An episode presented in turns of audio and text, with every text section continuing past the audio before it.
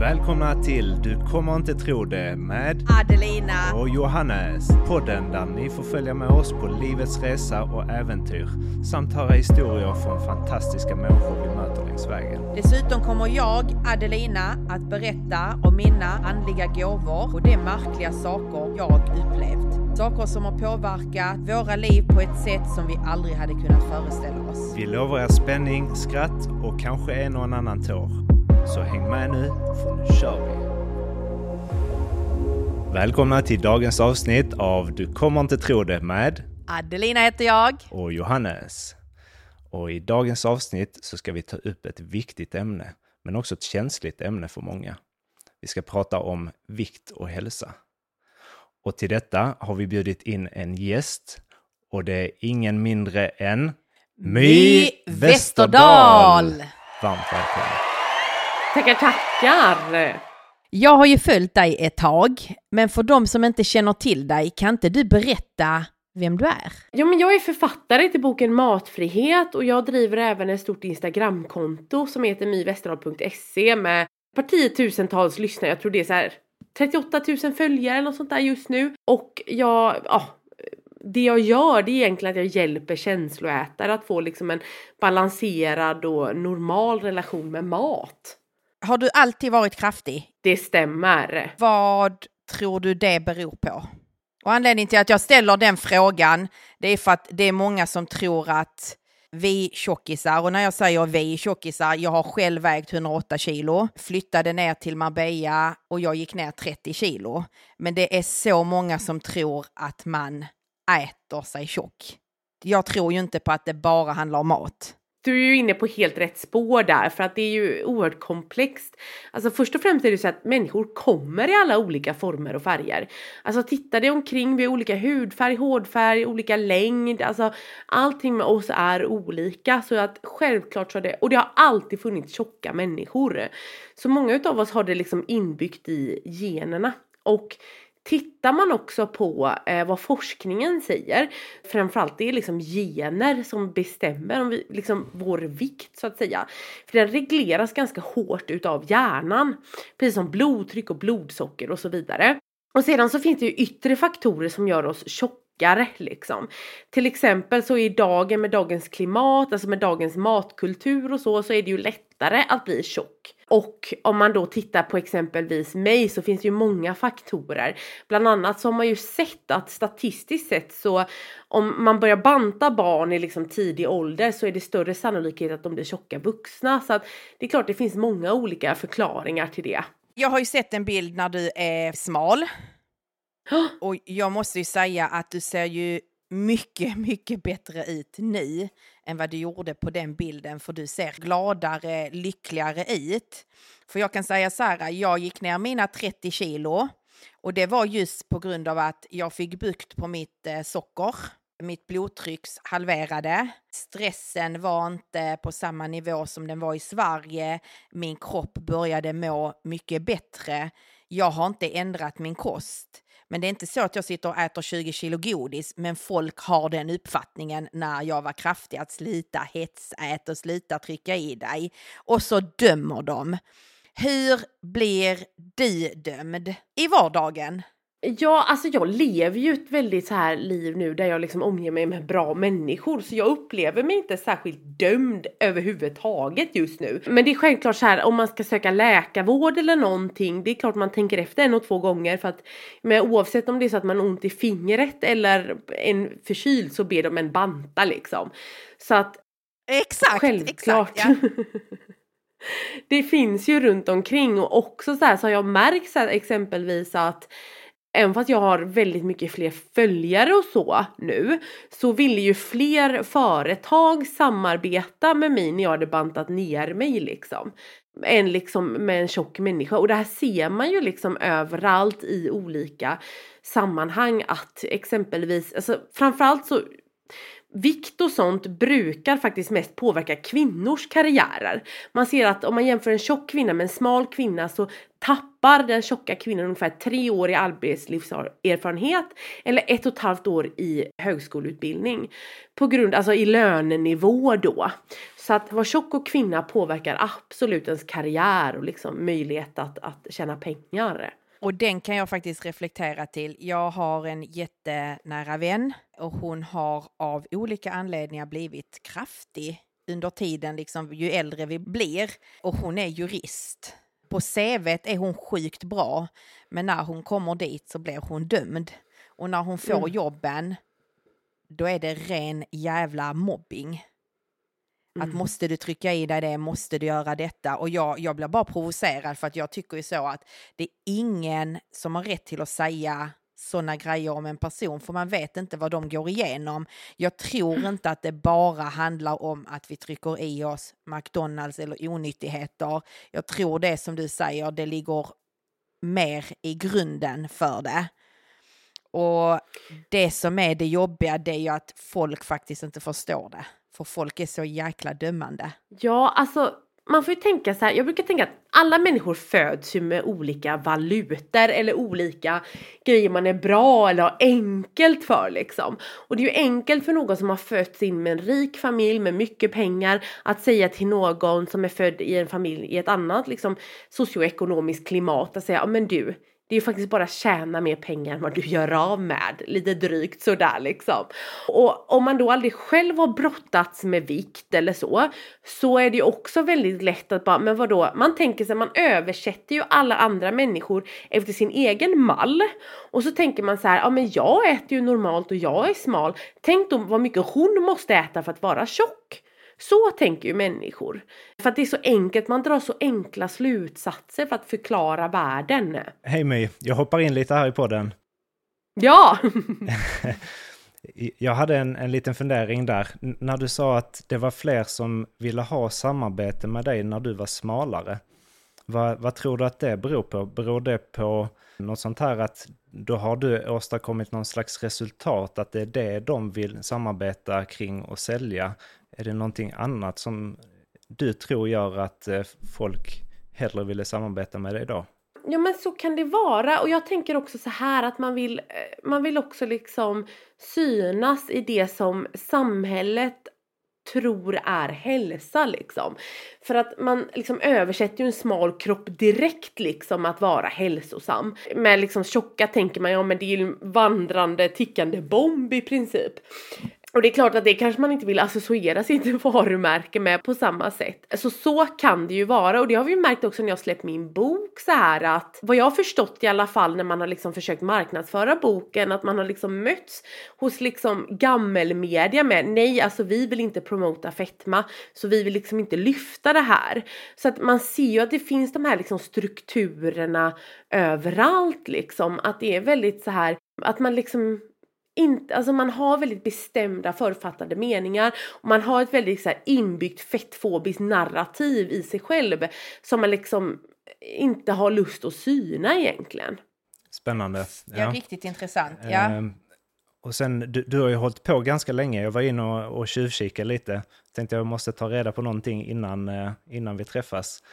Och du har ju hållit på och bloggas, så jag, sedan 2013. Kan det stämma? Ja, det stämmer, det stämmer. Ja. Och där, där var ju Nej, ganska men... mycket, mycket material och det är mycket som har hänt på de eh, tio åren där. Hur, hur upplever du dina egna reflektioner och även samhället och hur det har tagit emot det här under tio år liksom? Är det samma nu som då eller är det någonting som har förändrats? Jag började ju liksom min bloggkarriär egentligen för att jag vägde 170 kilo som mest. Och eh, jag hade liksom bantat mig upp kan man säga till 170 kilo och jag skulle ju precis göra en gastric bypass då. För jag hade inga andra alternativ kändes det som och fick jag höra. Men då hittade jag LCHF och så gick jag ner väldigt mycket i vikt så jag gjorde en viktresa på 95 kilo.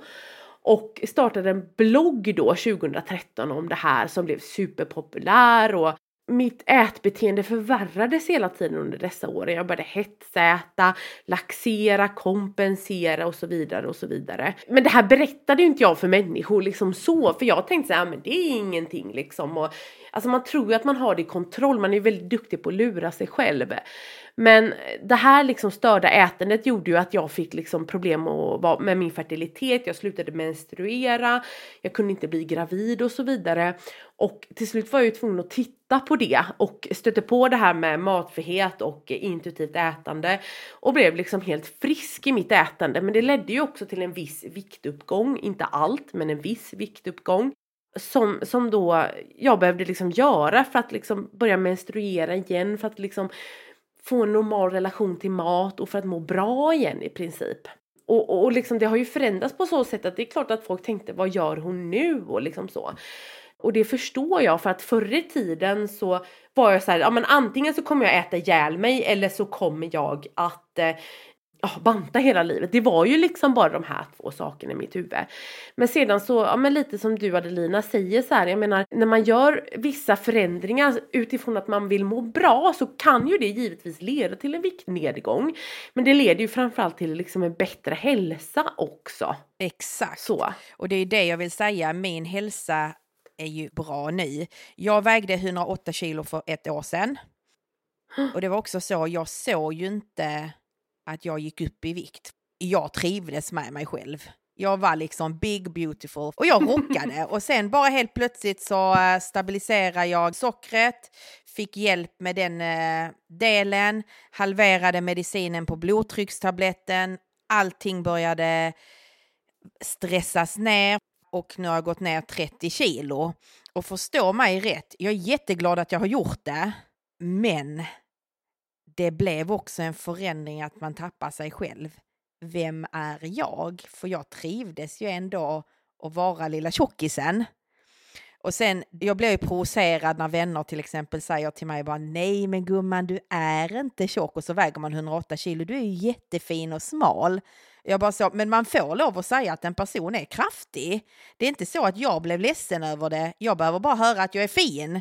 Men du behöver inte stå och ljuga att jag är smal för byxorna på H&M passar ju mig inte. Så då, hade liksom, då blir det jätteskevt. Så jag trivdes faktiskt som kraftig och tappade mig själv när jag gick ner i vikt. Nu börjar jag tycka det är roligt med kläder och det tog ett tag innan man hittar stilen för det är också så när man är kraftig så har du den svarta klänningen, jag brukar skoja om det, att den svarta klänningen har jag till pyjamas, festklänning och vardagsklänning.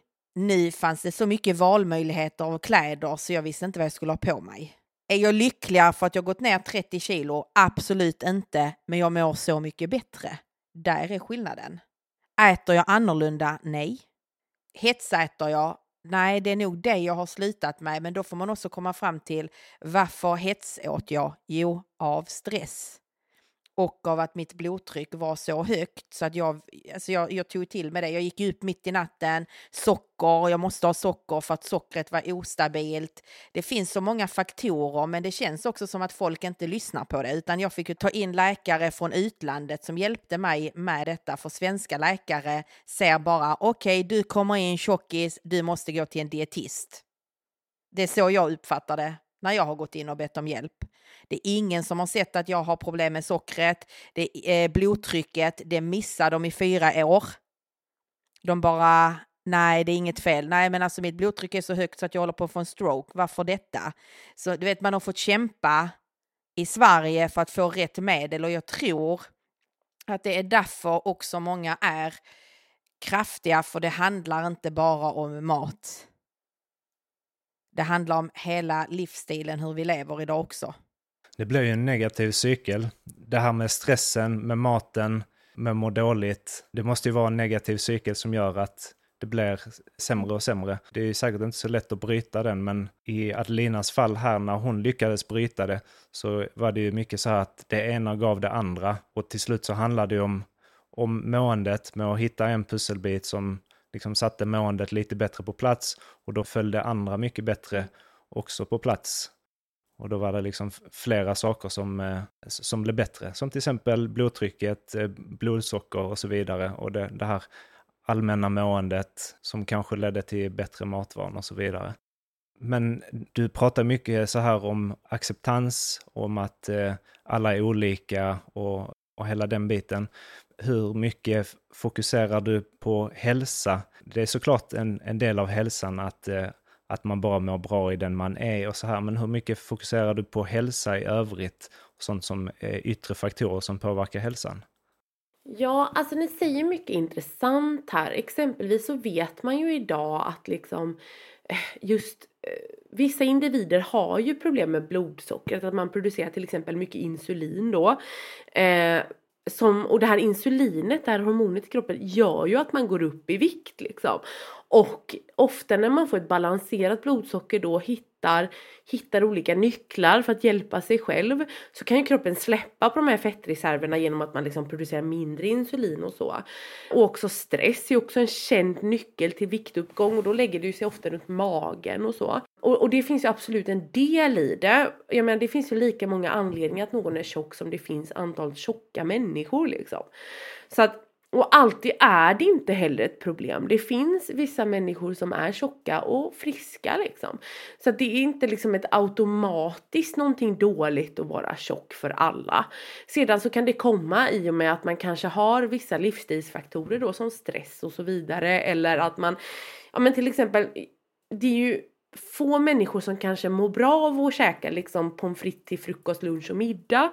Men istället för att gå in och liksom så här förbjuda sig själv för det så bör man kanske titta så här att ja men hur kan jag få in mera grönsaker? Hur kan jag skapa mig tid för att laga mat från grunden? Vad behöver jag för andra saker för att hjälpa mig själv? För att människor vill ju i grunden må bra men det är att man ofta kanske inte får ihop det med livspusslet.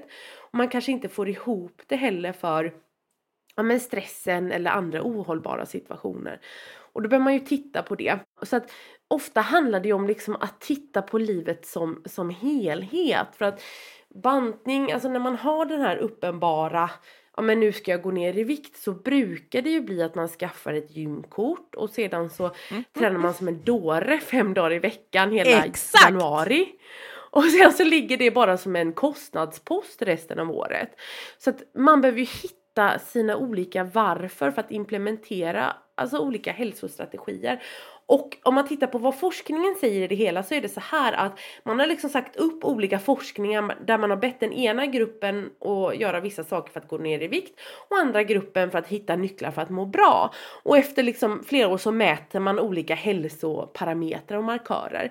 Och de då som bantningsgruppen går ofta ner i vikt i början och får bättre hälsomarkörer i början.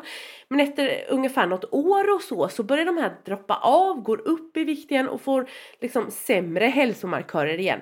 Men den här gruppen som har hittat sina andra varför och hittat liksom sina drivkrafter i andra ställen. Till exempel mental hälsa eller att sova bättre, och ett mer balanserat blodsocker, ha mer energi, orka mer och sånt. De får faktiskt en bättre hälsoprofil, alltså blodtryck, eh, kolesterol, alltså hjärta, kärl, blodsocker utan att gå ner ett gram.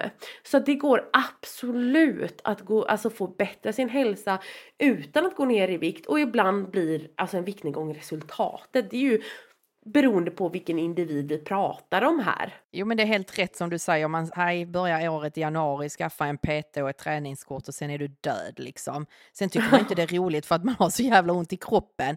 Och det är också så, det, det finns så mycket runt omkring. Men det är så lätt att, ja men ännu en gång döma. För uh. att också, då ger du upp efter en månad. Ja, men varför ska du ge upp? Det var ju alltså inte så att jag frågade om du ser att hälsan har eh, ett samband med, med övervikt eller att du bara eh, talar till överviktiga om hälsa utan mer så här att eh, hur mycket pratar du om hälsa i dina kanaler och i dina bloggar och så här? Är det mycket av det också eller är det mest kring eh, acceptans och samhällstänk? Ja, alltså grejen är så här att jag är ju väldigt tidigt ute med det här med matfrihet och sluta banta och sånt. Så att människor är oftast inte där mentalt så när man kommer till min kanal. Utan eh, det jag lägger fokus på det är liksom att jag synar vetenskapen och så kring hur dålig dieten faktiskt fungerar långsiktigt i princip.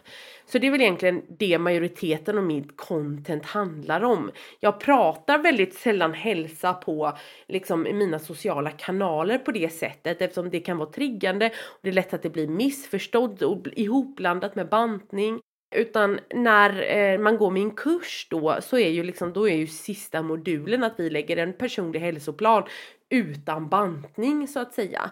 Men det är ingenting jag går ut och liksom pratar om så mycket om för att det är så lätt att det blir så här, jaha nu uppmanar hon till bantning fast det är inte alls det det handlar om liksom. Men det är ju en jättestor grej. Eh, och den, den här kursen, hur funkar det? Ja, jag brukar ha kurssläpp ungefär nästa i nu i oktober.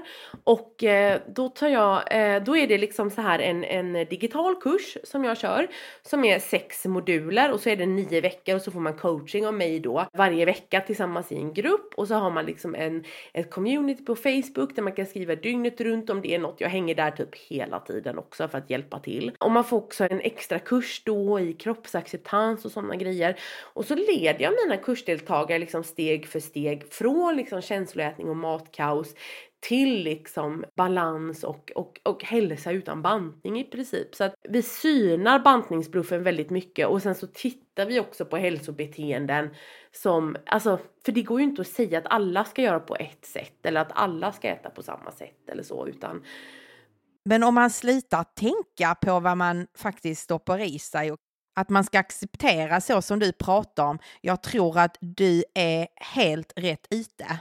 Och jag tror som du säger, du är tidig med det. Så frågan är om folk är mottagliga för det. Men när folk börjar fatta att vet du vad, du har rätt. Att acceptera hur du är och så får man ta det därigenom för alla dieter passar inte alla och det handlar inte om att ha en diet. Det handlar om att tycka om sig själv. Precis, och det handlar ju verkligen om att så här, växla fokus. Folk brukar fråga mig, har du inga matregler och så? Och jag tänker så här, nej men jag har vissa grejer som jag vet att jag mår bättre av när jag gör det. Exempelvis när jag äter kolhydrater, då, då försöker jag alltid äta mycket protein och fett till det för att få ett balanserat blodsocker. Exempelvis så, jag vet att om jag äter efter ungefär 6-7 på kvällen så sover jag mycket sämre. Jag får hjärtklappning, jag får en alltså sämre, sämre kvalitet på min sömn. Och, men det innebär ju inte att jag aldrig någonsin äter på kvällen. Självklart jag gör det. Men jag vet ändå vad jag behöver göra för att må optimalt. Och det är ju egentligen skillnaden liksom från matfrihet och en diet. Att man får en kunskap som är väldigt så här, nyfiken och open-minded istället för det här dömande att nej, nu lyckades jag inte hålla mig till detta så nu kan jag lika gärna trycka i mig en hel chokladkaka liksom. Ja men exakt. Oavsett faktiskt om du är smal eller kraftig eller mittemellan. Jag tror alla behöver en sådan person som dig, att du ska lära dem att tycka om dig själv. Och när du gör det så kommer resten. Ja, alltså generellt överlag om man tittar på tjocka människor så är det ju så att alltså, samhället föraktar ju tjocka människor på ett sätt. Och det, alltså du kan inte leva som människa i, där i ett samhälle där någon föraktar dig och tro att du ska ha en intakt självkänsla liksom. Så det är ju så många tjocka människor som har det här internaliserade fetthatet mot sig själva. Att de på riktigt tror att de har orsakat det här själva. Men jag menar när jag tittar på mina smala kompisar, de äter donken, de äter pizza, de äter godis. Jag tränar mycket mer än vad de gör och så vidare. Eh, många utav dem. Och så att jag menar när du börjar liksom titta på vad alla andra gör och sätter det i relation till dig själv så ser du ju också liksom så här att fasiken den där personen kan inte träna alls och äta bara skräp och ändå vara liksom vad ska man säga, smal. Medan jag måste äta liksom, se över minsta tugga och träna hela tiden för att inte gå upp i vikt. Ja men du förstår, alltså man har inte lika stor makt över sin vikt som man faktiskt tror. Och ofta handlar det om andra nycklar än liksom bara kalorier. Jag har ju aldrig haft problem med övervikt. Jag har ju alltid haft det väldigt lätt i livet på det sättet. Men någonting som jag har märkt med tiden är att ens yttre speglar ju inte alltid ens inre. Och bara för att man är smal betyder inte alltid att man är hälsosam eller att man mår bra. Självklarhet när man bara liksom ställer rakt mot varann hälsosam smal eller mår bra smal. Men att man kan på många sätt vara ganska dåligt skick fysiskt fast man är smal. och på samma sätt såklart vara i väldigt bra skick eller må väldigt bra fast man är överviktig. Men den frågan som jag, jag ställde innan gällande hälsa, hur mycket du fokuserar på hälsa, du var ju ganska blygsam där och ville inte blanda ihop det så att det tolkas fel. Men jag tror att din, eh, i alla fall eh, kursen och den delen av din verksamhet, den handlar ju väldigt, väldigt mycket om hälsa egentligen, för det, det låter som att hälsa är ju lite det här målet eller slutdestinationen. Det är det man vill uppnå, att eh, man mår bra på olika sätt, att man accepterar sig själv och sin kropp och att det, det är någonting som man jobbar emot. Ja, alltså om man tänker de som går kursen och kommer till mig, eh, det är ju oftast kvinnor och det är kvinnor som har ett ganska lågt självförtroende kring mat liksom. Och att man känner sig väldigt dålig och skammad och man har problem med känsloätning, smygätning, stressätning. Och liksom en typisk dag brukar se ut så här, ja ah, men åh jag åt så mycket igår så jag fastar på morgonen och så äter man bara en sallad till lunch. Och sedan brukar man bli så här svinhungrig runt 3-4 Eh, svarar inte an på det, äter lite kött och grönsaker till middag och sedan så djupdyker man i glassen och chipsen hela kvällen. Och sedan så tänker man imorgon börjar jag om. Och sen så går det så och så och så. Och då blir det ju väldigt svårt om man direkt skulle lägga på liksom hälsobeteenden på det. Så här, nu ska du ut och träna också för då kommer bara den spiralen förvärras. Utan de första stegen det är ju liksom att, att, att ta hand om känsloätningen. Så det här går ju liksom i olika faser. Och när du har fått liksom den här alltså det bästa är att själva ätbeteendet brukar faktiskt stabilisera sig väldigt snabbt och bli så kallat normalt eller normaliserat. Efter det så kom, behöver du laga din kroppsbild och det är den biten som tar tid. Och under tiden då jobba med olika hälsofrämjande beteenden. Men just att om du lägger på liksom, ja men nu ska vi börja träna eller träningsschema eller sådana här grejer direkt så kommer det implodera. Utan du måste liksom börja med rätt sak först och det är liksom ätbeteendet. Yes, och hur kom du in på själva det här att faktiskt ta ställning och eh, våga gå ut och, och hjälpa andra och skapa samtal och skapa debatt? Hur startade det?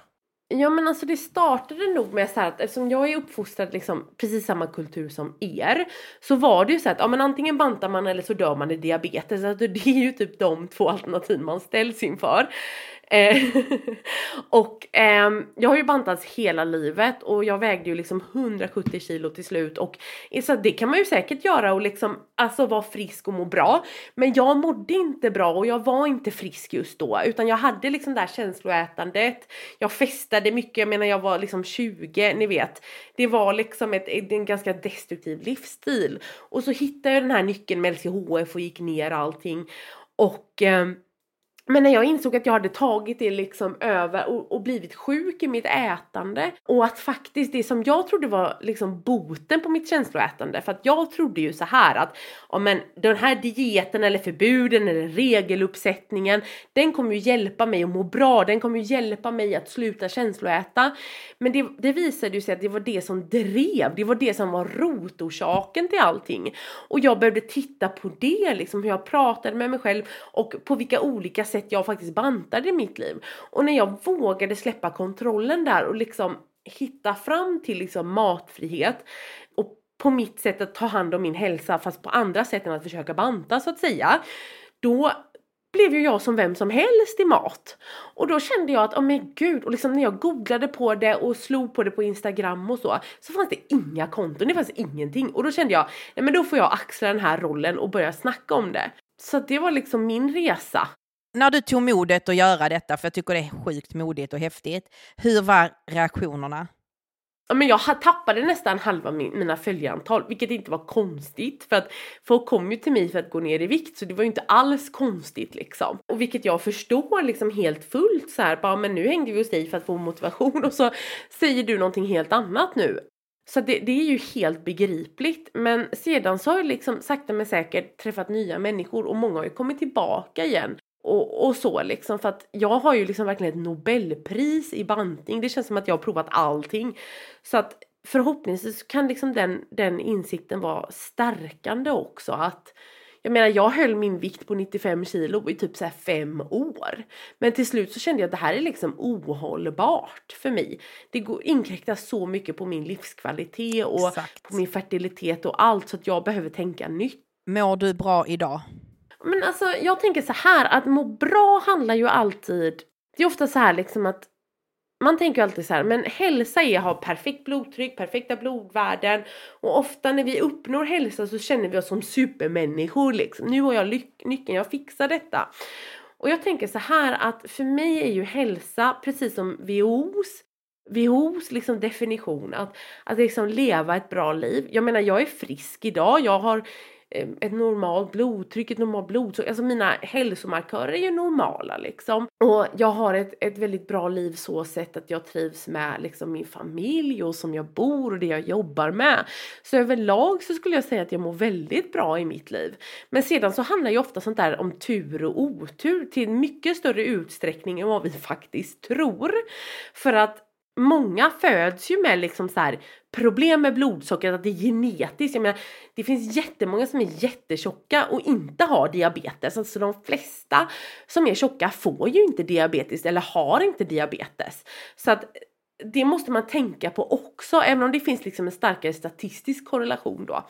Så att jag är glad så länge man får vara frisk och det är ju inte alls en självklarhet att man får vara det hela livet utan jag är tacksam att det är så nu och skulle jag stöta på hälsoproblem då får man ju ta det i framtiden och, och liksom titta på vad man kan göra själv för att hjälpa sig själv just då, tänker jag. Alltså riktigt bra svar. Och hur är det med tvillingarna? Hur är det att vara tvillingsmamma då? Sista frågan. Sista frågan om tvillingmammaskapet. Jo men alltså det är ju stress på en sån nivå jag har faktiskt aldrig varit med om i hela mitt liv. Det var, ett- det var ett Alltså, ärligt Det, svar. vänta, och det är det jag gillar för du har ju lagt upp vissa gånger så.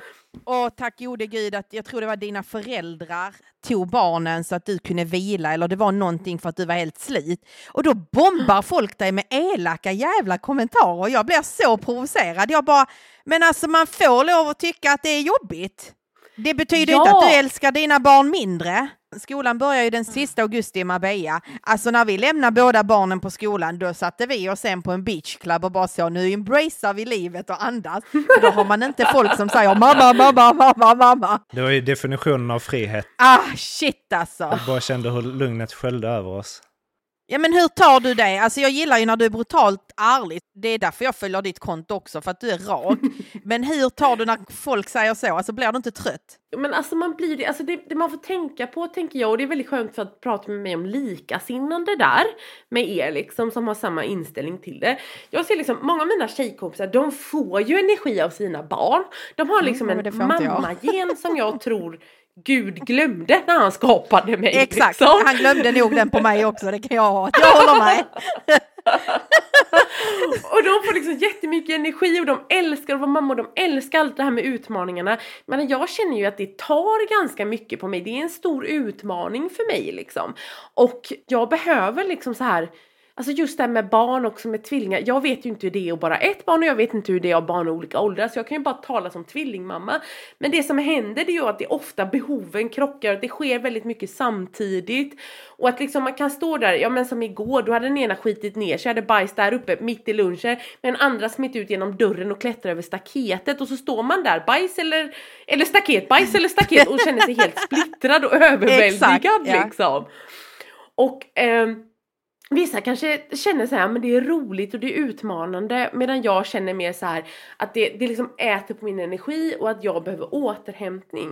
Men så tänker jag så att det finns ju andra människor som till exempel tycker att att spela in en podd är skitjobbigt och långt utanför deras comfort zone. Och de skulle inte vilja göra det och de skulle bli dränerade av att sitta och spela in en podd. Medan ni två driver en podd och får energi av det, ni ger er ut i det och liksom ni lyckas med det ni gör. Om det finns ju olika människotyper och när de här två människotyperna träffas så är det svårt att förstå varandra. Som jag som gillar liksom driva mitt instagramkonto och allt där och jag jobbar mycket och jag tycker det är skitkul, jag har alltid gjort det liksom. Och får mycket energi av det. Medan andra tycker att jobb är dränerande så vi är olika. Men jag tror att de flesta, så här, återigen som vi pratade om i början, man applicerar sig själv på hela sin världsbild. Och så tror man att alla är likadana och det är vi inte. Så att om någon uttrycker att det är jobbigt eller så med barn så kan det bli väldigt så här att de verkligen inte förstår det.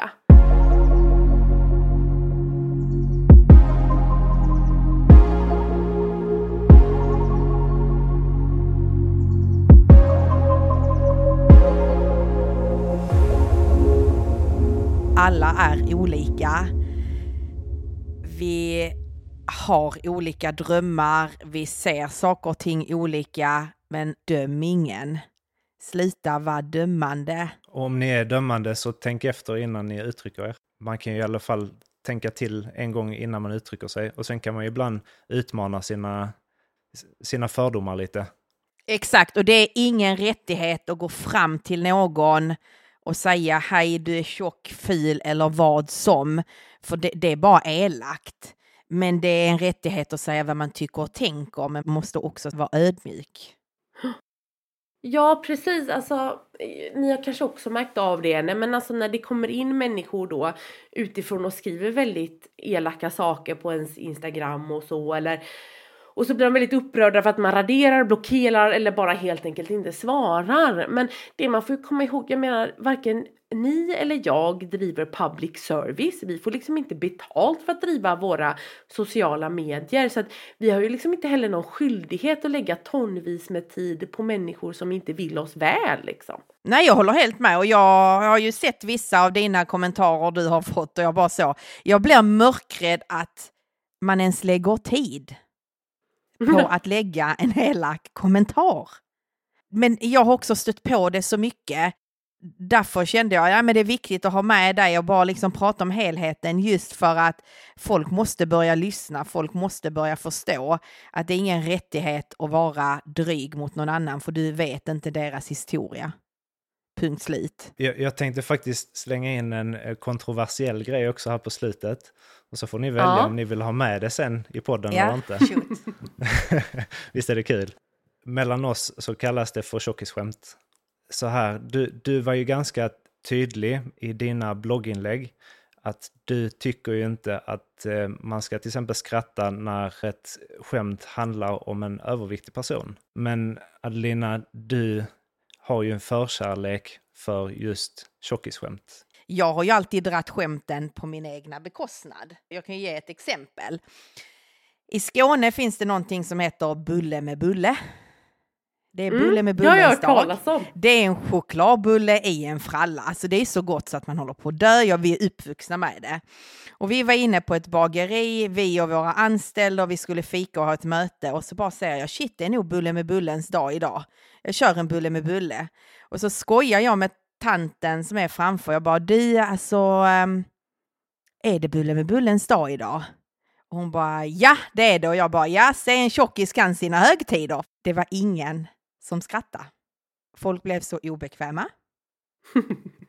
och jag bara så, till slut sa jag så här till allihopa och tittade på dem. Alltså det är inte så att jag inte vet att jag är tjock, så man får lov att skratta. För jag känner att så länge jag drar skämten så är det okej. Okay, men jag tycker inte det är okej okay att dra skämten på någon annans bekostnad. Vad tycker du? Men jag tänker att det är komplext svar. Jag är ju väldigt för att, jag menar humor och satir liksom.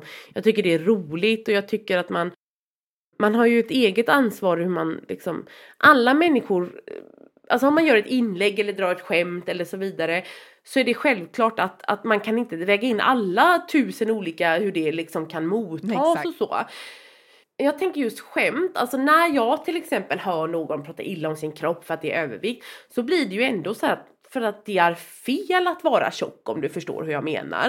Och jag då fattar. blir det ju så att även om det inte är riktat mot mig och jag lovar att den personen inte skulle tycka att jag är ful eller att jag behöver banta men du vet så att de tycker att de själv så blir det ändå så här att det är en tydlig spegling på i samhället vad som är rätt och vad som är fel. Och om man liksom står som tjock person och liksom och hör det bakom dig så är det självklart att man kan ta illa upp och jag tänker också att eftersom tjock är så liksom så här dåligt eller man säger i samhället, alltså det är lika med lag lat, viljelös, pappa, så blir ju det liksom en synonym. Jag tänker att om det inte vore synonymer utan att det bara var så, precis som en tjock skiva ost eller en tjock skiva det ena och det andra. Det, det är liksom, alltså att det var ett beskrivande ord så hade det funnits lite mer marginaler. Jag hade ju inte tagit illa upp för något sånt men jag förstår ju om andra människor gör det liksom. Och jag kan också tänka att det kan, just det här skämtet, nu vill inte jag vara elak mot dig, men att det kan liksom befästa den här liksom att så här, ja men tjocka människor har ätit sig till det, vilket inte är sant i alla fall liksom. Det är ju en fasad. När jag var kraftig så skämtade jag jättemycket på min egna bekostnad och det är ju för att jag inte trivdes med mig själv. Sen ville jag mm. få det utåt sett. Att vet du vad, det är ju klart man ska skämta om sig själv. Jag är ju tjock. Men indirekt är det ju att det är någonting hos mig som jag inte är nöjd med. Så ja, jag hade nog inte dratt det skämtet idag. Men det var ju en bra fråga du ställde i alla fall. Ja, men jag ja, tycker det ändå är intressant Jag hade aldrig gjort det idag för att det, det, finns alltid någon som tar illa vid sig. Och hos mig handlar det om att jag inte mådde hundra hur jag såg ut. Sen var jag ändå nöjd med hur jag såg ut, men det är ändå någonting som man visste var fel för att folk säger att det är fel att vara tjockis och då är det ju lätt att skämta på sin egna bekostnad. Exakt, att man förekommer liksom. Men jag tänker så här, alltså när du är tjock så, du vet ju det liksom. Det är ju ingen annan som behöver berätta för dig att du är tjock för du vet det. Och då blir det också så här att man vill förekomma, man blir liksom, man skämtar på det och man vill liksom inte heller bli klassad som lat, korkad, oambitiös och så vidare som folk sätter synonymt till tjock med. Så att många utav oss tjocka, vi jobbar ju liksom för fan som tre smala personer och vi Exakt. är liksom så här superduktiga på det vi gör för vi överkompenserar vår Exakt. vikt fast egentligen har vi ju ingenting att överkompensera för men vi är och eftersom andra tror det här om tjocka människor så bevisar vi oss själva hela tiden. Nej men det är exakt så det är. Jag är i alla fall glad att vi fick ett samtal med dig. Att vi äntligen fick till eh, en podd och jag hoppas att det är många som blir eh, inspirerade av vårt avsnitt. Men i vilket fall som helst, gå in och följ My på hennes Instagram. Din personlighet, hela din utstrålning är magisk. Så Tack så mycket för att du ville vara med och tack för härliga diskussioner. Det, det blev verkligen ingående och bra samtal. Jag är glad att vi faktiskt tog tag och ställde vissa frågor. det, det kunde ju inte ha blivit bättre, om jag säger det själv. Jag hoppas många blir inspirerade av detta avsnittet och vi tackar för oss idag. Tack så jättemycket att jag fick komma. Puss och kram. Puss och kram.